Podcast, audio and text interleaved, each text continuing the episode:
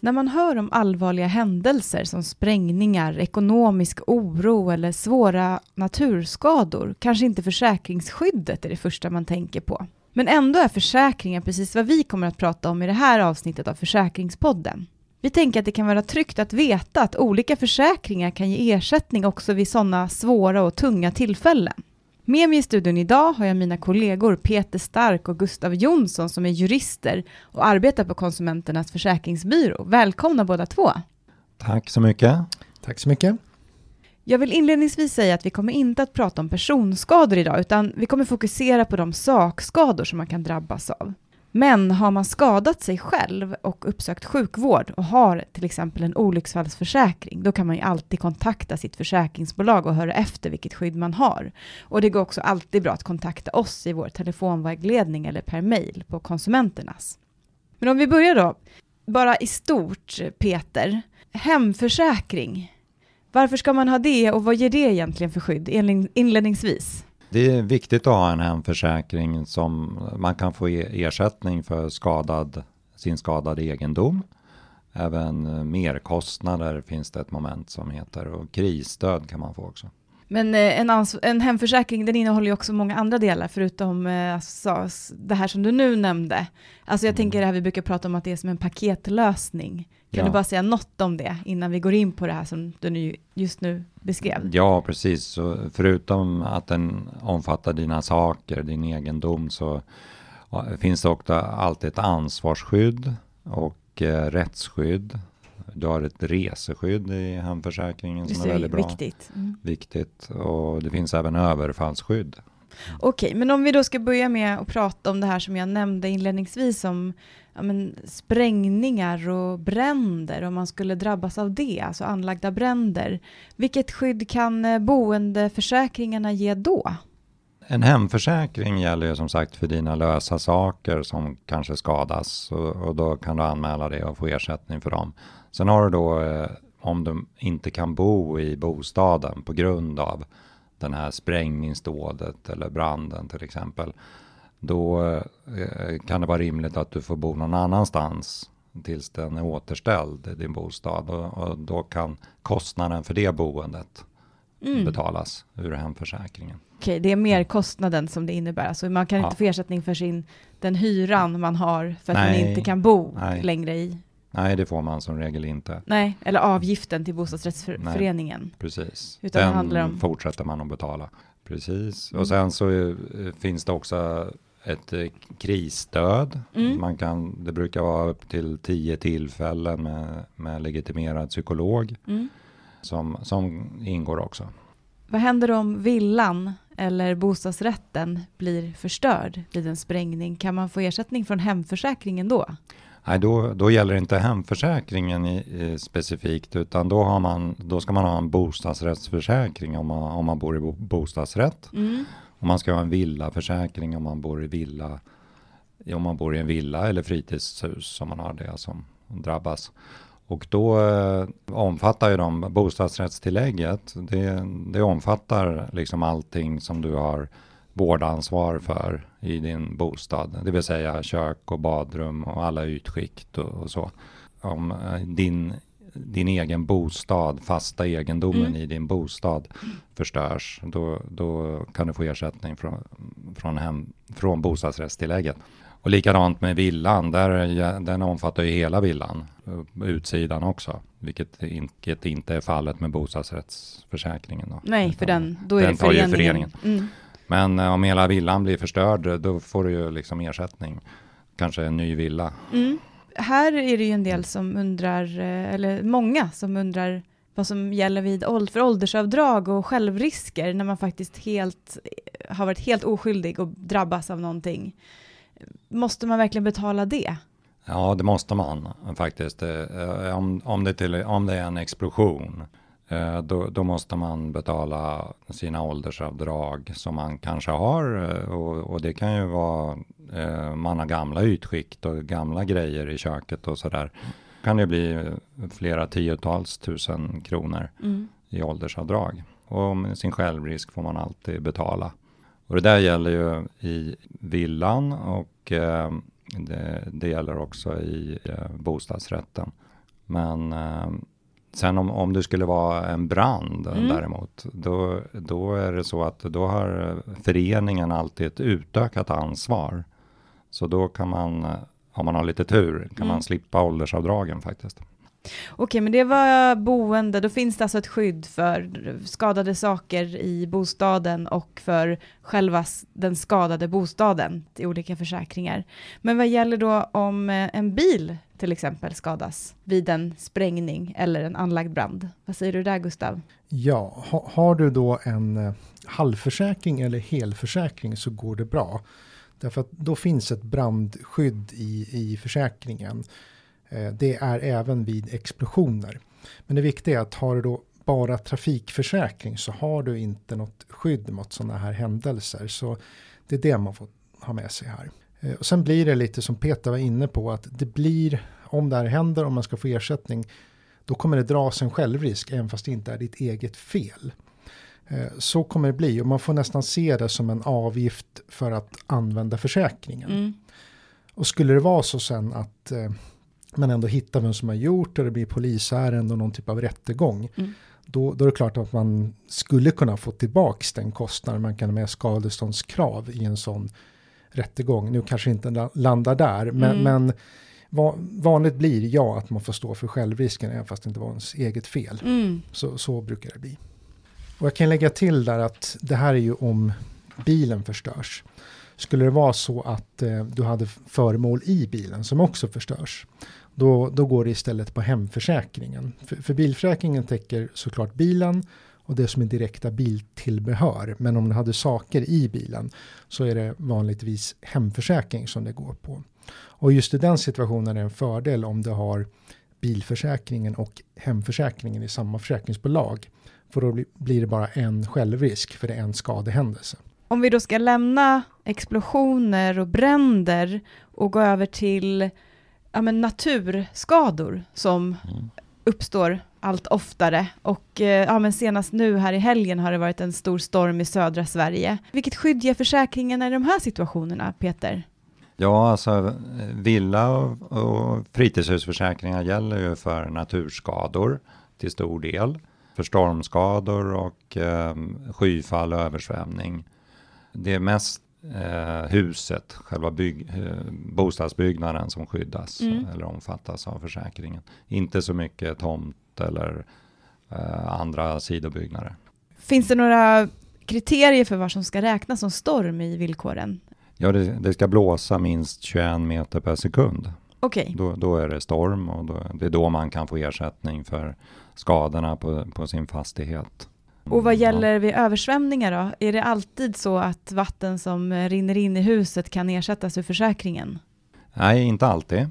Först så ska det då, i princip ska det regna mer än en millimeter eh, per minut eller 50 millimeter per dygn. Och sen så ska vattnet också eh, rinna in genom en öppning i, i huset. Någon eh, ventil eller ett källarfönster, källardörr det kan också vara så att vattnet eh, kommer in genom golvbrunnar. Det, det är vanligt. Trycks upp genom golvbrunnen helt enkelt. Och eh, så blir det översvämningsskador. Men om däremot vattnet sipprar in genom en väggen, mm. Eh, då har man en dålig dränering generellt.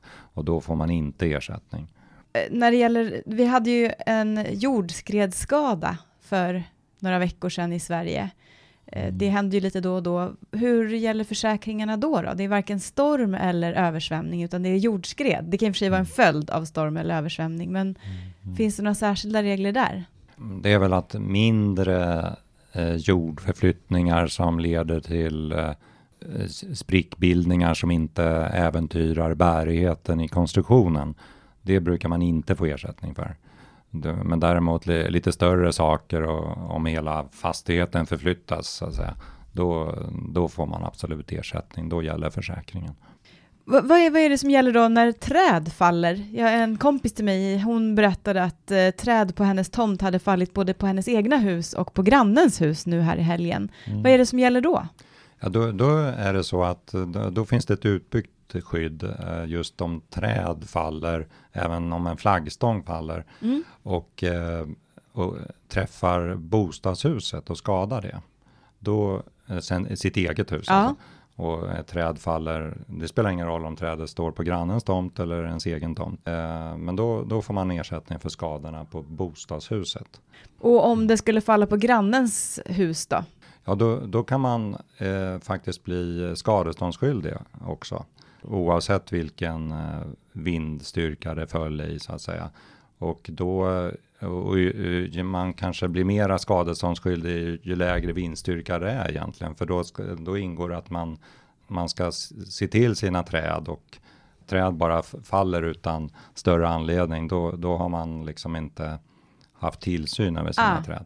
Så, så då, då det kan det orsaka en skada och då kan, det bli, då kan man anmäla det till sitt ansvars skydd om det skadar grannens eh, bostad. Det, som, man in, som du inledningsvis sa, också finns i hemförsäkringen. Ja. Då vet vi lite vad som gäller kring storm och översvämningar och jordskred och fallande träd. Men vi blir också kontaktade av väldigt många konsumenter just nu som är, känner ekonomisk oro. Alltså man har, allting går upp, allt blir dyrare och det blir ju även försäkringarna. Och konsumenter undrar ju dels, ska jag säga upp mina försäkringar? Eller en del vill ju också teckna försäkringar för att de känner sig att de vill skydda sig mot eh, framtida skador och allt som kan hända. Eh, Gustav, hur ska man tänka här? Hur ska man göra? En väldigt stor fråga ja, till dig nu. Det, det, är, det är många frågor i det här, men en bra startpunkt kan ju vara att, så att säga, få koll. Eh, och det första steget är att se vad har jag idag? Så ett väldigt konkret tips är att gå in på konsumenternas.se, söka på orden hitta dina försäkringar. Du kommer inte hitta dina försäkringar rent faktiskt, men du får tips hur du kan hitta dem. Eh, och när man väl gjort det, då har man en lista. Eh, de här försäkringarna har jag. Och när man har den listan, då är det dags att börja prioritera eh, vilka man ska ha, vilka man inte ska ha. Och, och vår uppfattning där, det, det, är att de, de nödvändiga, mm. där det finns ett stort mått av katastrofskydd, alltså de som kan ge en stor ersättning vid stora viktiga händelser, de ska du inte röra. Mm. Däremot de som är åt det onödiga hållet, det kanske är låga summor eller att det är någon typ av dubbelförsäkring, att du redan har skydd. Mm. De ska du snarare mer kanske ta bort och i så fall lägga mer pengar på de här som är riktigt nödvändiga. Mm. Vi brukar ju alltid lyfta, alltså nu, det känns som att jag tjatar lite, men hemförsäkringen är ju alla ska ha den. Det är precis, ju något vi alltid säger. Precis, ja, men den hamnar ju väldigt högt upp. Det är en som, man ska, all, som alla ska ha. Den, ja. den behöver man inte fundera på. Då ska du ha, precis som Peter var inne på innan, att det ska vara något för byggnaden. Är det en bostadsrätt, då ska man ha ett sånt där bostadsrättstillägg eller en bostadsrättsförsäkring. Mm. Och är det för villa, villabyggnaden, då blir det en villa hemförsäkring mm. så att de bitarna är med. Ja. Däremot kan ju frågan uppkomma i de här lite bistrare ekonomiska tiderna att att ska man gå ner i omfattning på något sätt, att om jag har en stor hemförsäkring, eh, stor hem och villaförsäkring, ska, ska jag gå ner till en bas. Mm. Det kan ju vara ett alternativ, men man ska tänka efter noga, för det som händer då är att man nog bör kombinera det med att ha en lite större buffert. Visst, det kommer bli en billigare försäkring, men du får vara beredd på att ta lite större smällar själv, som till exempel självrisk eller åldersavdrag. Så det ska man ha med sig och där kan man gärna gå in och kolla i våra jämförelser mm. så att man ser hur är en stor försäkring mot en bas. Och också gärna kolla, är det några delar som är viktiga? Eh, kanske något reseskydd eller saker utanför bostaden om, om det är viktigt. Och sen får man också komma ihåg att om man ska göra sådana här förändringar, då är det normalt sett så är det ett års bindningstid, vilket ja. gör att om du tecknar den i maj, ja men mm. då är det maj nästa år som du kan byta. Så man är oftast bunden ett, ett bra tag då. Men ja, det, på ett sätt är det bra att man hinner tänka igenom då. Men, ja. men eh, man får med sig det. Men vi har ju en jättebra guide på konsumenternas.se som vi har pratat om förut i den här podden, men det kan inte betonas nog, för den är väldigt eh, bra. Det här, vilka försäkringar behöver jag som är anpassat till olika grupper? Alltså är man, inte gru grupper, men är man barnfamilj, är man pensionär? Mm, alltså vilka, mm. vi har en sån bra guide. Ja, så, så, så, tipsen här blir om man mm. går åt det väldigt konkreta hållet, det, det är sök i sökrutan på konsumenternas.se. Först på hitta hitta mina försäkringar och sen vilka försäkringar behöver jag. Mm. Då hittar man till de här sidorna Ja. med olika guider i barnfamilj och liknande. Eh, jo, jag skulle också vilja tillägga ett tips eh, ett, eh, som berör det här om man vill få ner sin premie. Mm. Så kan ju en sak vara också att undersöka möjligheten att höja sina självrisker. Ja. Och, och ofta kan man göra det i alla fall i villa hemförsäkringen. Och då kan man fråga vad, vad det skulle göra på premien. Mm. Och sen så eh, naturligtvis tänka på att ha en buffert så att man klarar småskador. Precis, för då blir ju varje skada lite dyrare om man har en högre självrisk, Ja, men precis. premierna blir lägre och så kanske man klarar de här större skadorna Mm. på det sättet. Det blir ju mer av en utpräglad katastrof, katastrofförsäkring i, i det fallet. Mm. Att de här mindre skadorna inte ersätts därför att de är över självrisken. Finns det några försäkringar, man- nu när vi har pratat här om ekonomisk oro, finns det några försäkringar man kan teckna för att skydda sig mot ekonomisk oro då? Ja, du har em, inkomstförsäkringar som, som täcker, ett, ett, täcker ett inkomstbortfall. Dels eh, alltså om man blir eh, arbetslös eller eh, sjuk.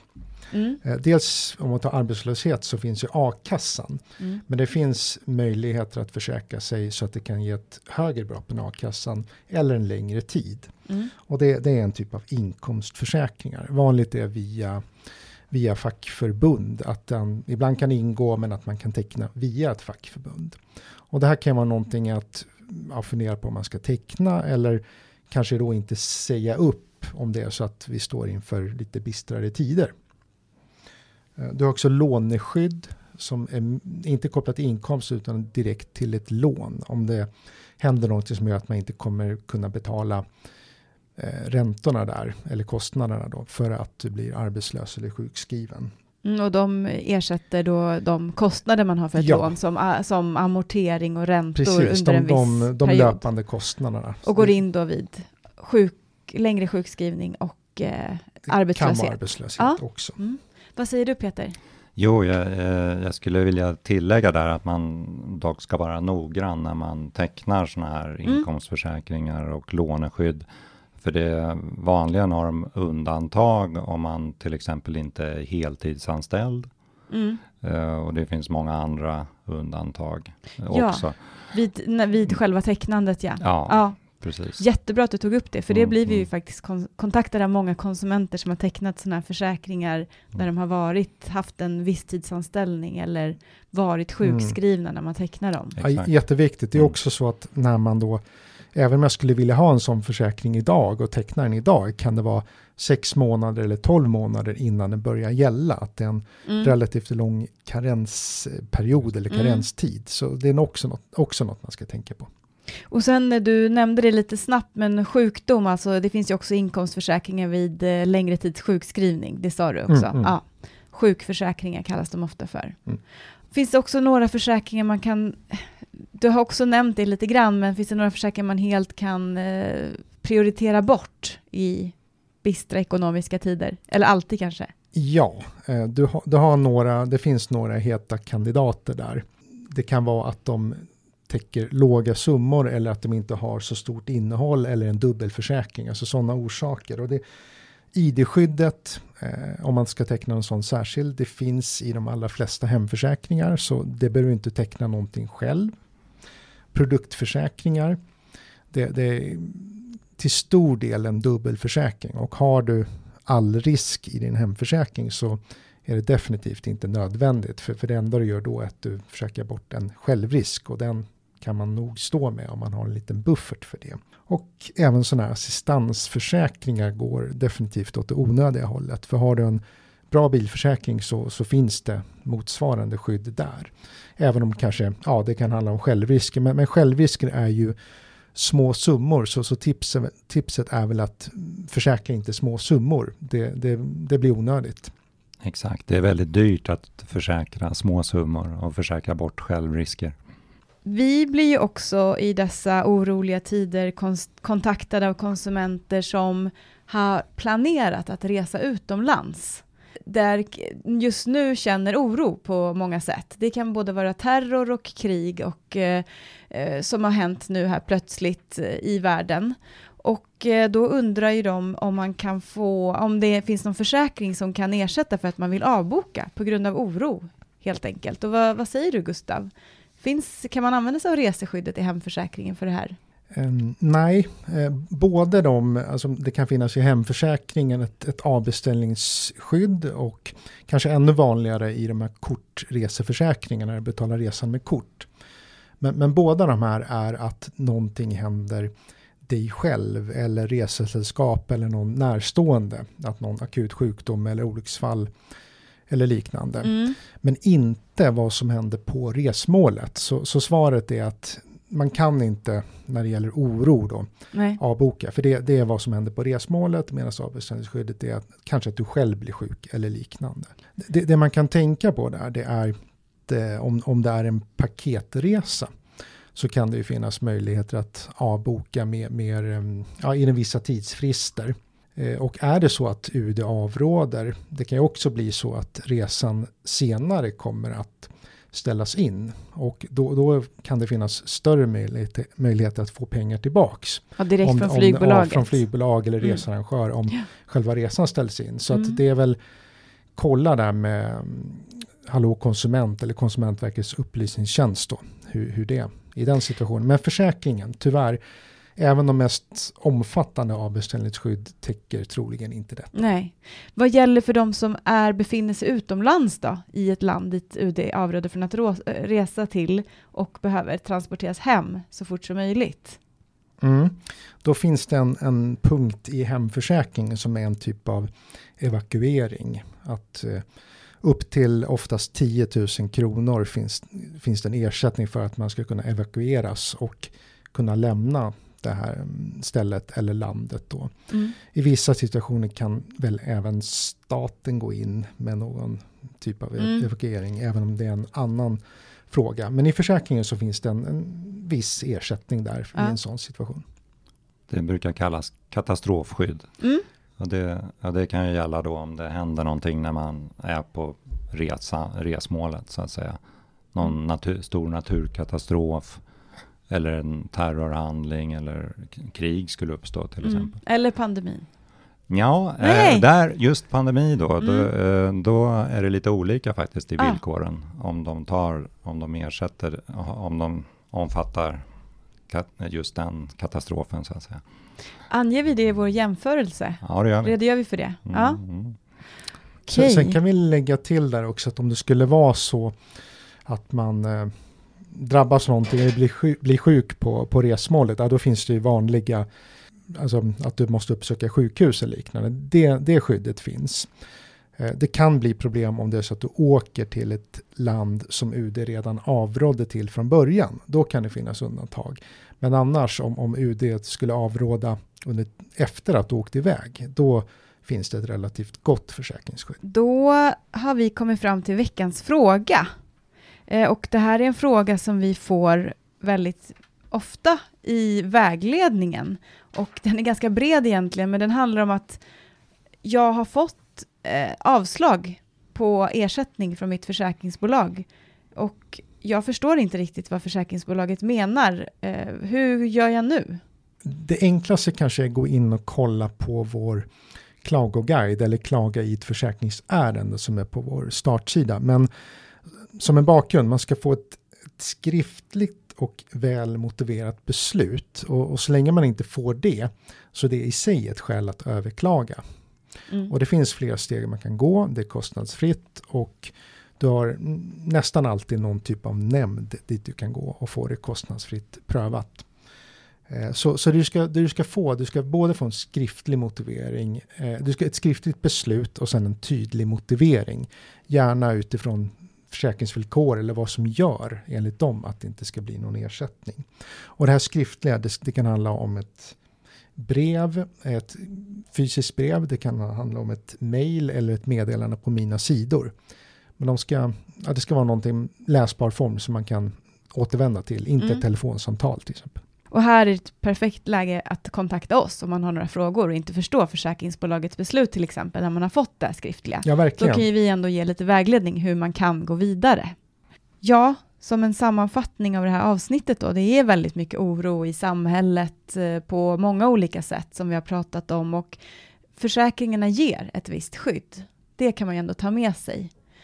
Försäkringarna kan ju ge ett skydd både för sprängningar, för naturskador och för olika ekonomiska oroliga situationer. Försäkringarna kommer inte kunna stilla din oro kanske, men ändå ge en viss ekonomisk kompensation.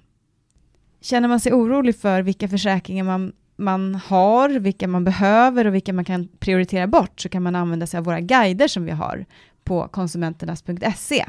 Har jag uppfattat det rätt? Ja, visst. Ja, det tycker jag absolut. Vad bra, men det var allt för den här veckan. Eh, gå gärna in på konsumenternas.se, där kan du få svar på de flesta frågor som du kan ha om försäkringar. Och har du några funderingar så är du välkommen att kontakta oss både på telefon och mejl. Och kontaktuppgifter finns på konsumenternas.se. Tack så jättemycket för att ni kom hit idag. Tack så mycket. Tack, tack.